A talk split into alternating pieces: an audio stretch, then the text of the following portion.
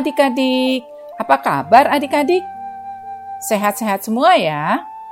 Hari ini kita akan membaca dan merenungkan firman Tuhan dari kejadian 28 ayat 1 sampai 4. Sebelum membaca firman Tuhan, mari kita berdoa. Bapa di surga, saat ini kami mau membaca dan mendengarkan firman Tuhan. Kiranya Engkau pimpin dan sertai kami agar kami semua dapat mengerti. Dalam nama Tuhan Yesus kami berdoa. Amin. Kejadian 28 ayat 1 sampai 4. Kemudian Ishak memanggil Yakub, lalu memberkati dia serta memesankan kepadanya. Katanya, Janganlah mengambil istri dari perempuan Kanaan. Bersiaplah, pergilah ke Padan Aram, ke rumah Betuel, ayah ibumu, dan ambillah dari situ seorang istri dari anak-anak Laban, saudara ibumu. Moga-moga Allah yang Maha Kuasa memberkati engkau, membuat engkau beranak cucu, dan membuat engkau menjadi banyak sehingga engkau menjadi sekumpulan bangsa-bangsa. Moga-moga ia memberikan kepadamu berkat yang untuk Abraham, kepadamu serta kepada keturunanmu, sehingga engkau memiliki negeri ini yang kau diami sebagai orang asing, yang telah diberikan Allah kepada Abraham. Demikianlah firman Tuhan.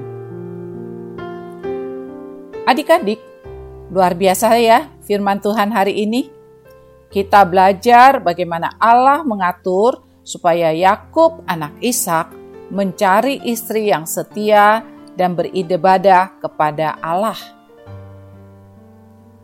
Adik-adik, tidak banyak kebudayaan di dunia yang memperolehkan yang memperbolehkan adanya pernikahan dengan kerabat sendiri. Salah satu contohnya bangsa Israel. Alkitab menuliskan cerita tentang Ishak yang melarang Yakub mengambil istri dari perempuan Kanaan dan malah menyuruhnya pergi jauh ke Padan Aram, ke rumah keluarga ibunya. Laban adalah saudara kandung Ribka, ibu dari Yakub. Yakub mengikuti apa yang diperintahkan Ishak ayahnya. Yakub taat pada ayahnya dan kita bersama tahu ya adik-adik bahwa Yakub menikah dengan anak Laban yang adalah sepupu Yakub sendiri. Adik-adik, di Indonesia juga ada loh kondisi seperti pada bangsa Israel. Boleh menikah dengan kerabat, yaitu di Sumatera Utara. Suku Batak memperbolehkan terjadinya pernikahan antar kerabat dengan aturan khusus yaitu hanya boleh dalam bentuk marpariban. Menurut artbatak.blogspot.com, yang menjadi pariban bagi laki-laki adalah anak perempuan dari saudara laki-laki ibu, sedangkan yang menjadi pariban bagi perempuan adalah anak laki-laki dari saudara perempuan ayah. Jadi adik-adik, kalau dilihat dari kacamata budaya Batak, Yakub ternyata menikahi paribannya sendiri karena Lea dan Rahel adalah anak perempuan dari saudara laki-laki ibu Yakub. Wow, meski terpisah jarak, ternyata bangsa Israel dan suku Batak memiliki keunikan yang sama dalam hal pernikahan. Adik-adik, seperti Yakub yang taat pada perintah atau nasihat bapaknya Ishak, sehingga mereka menerima berkat Tuhan dalam hidup mereka sampai kepada anak cucu mereka. Adik-adik juga taat pada perintah Tuhan melalui orang tua adik-adik.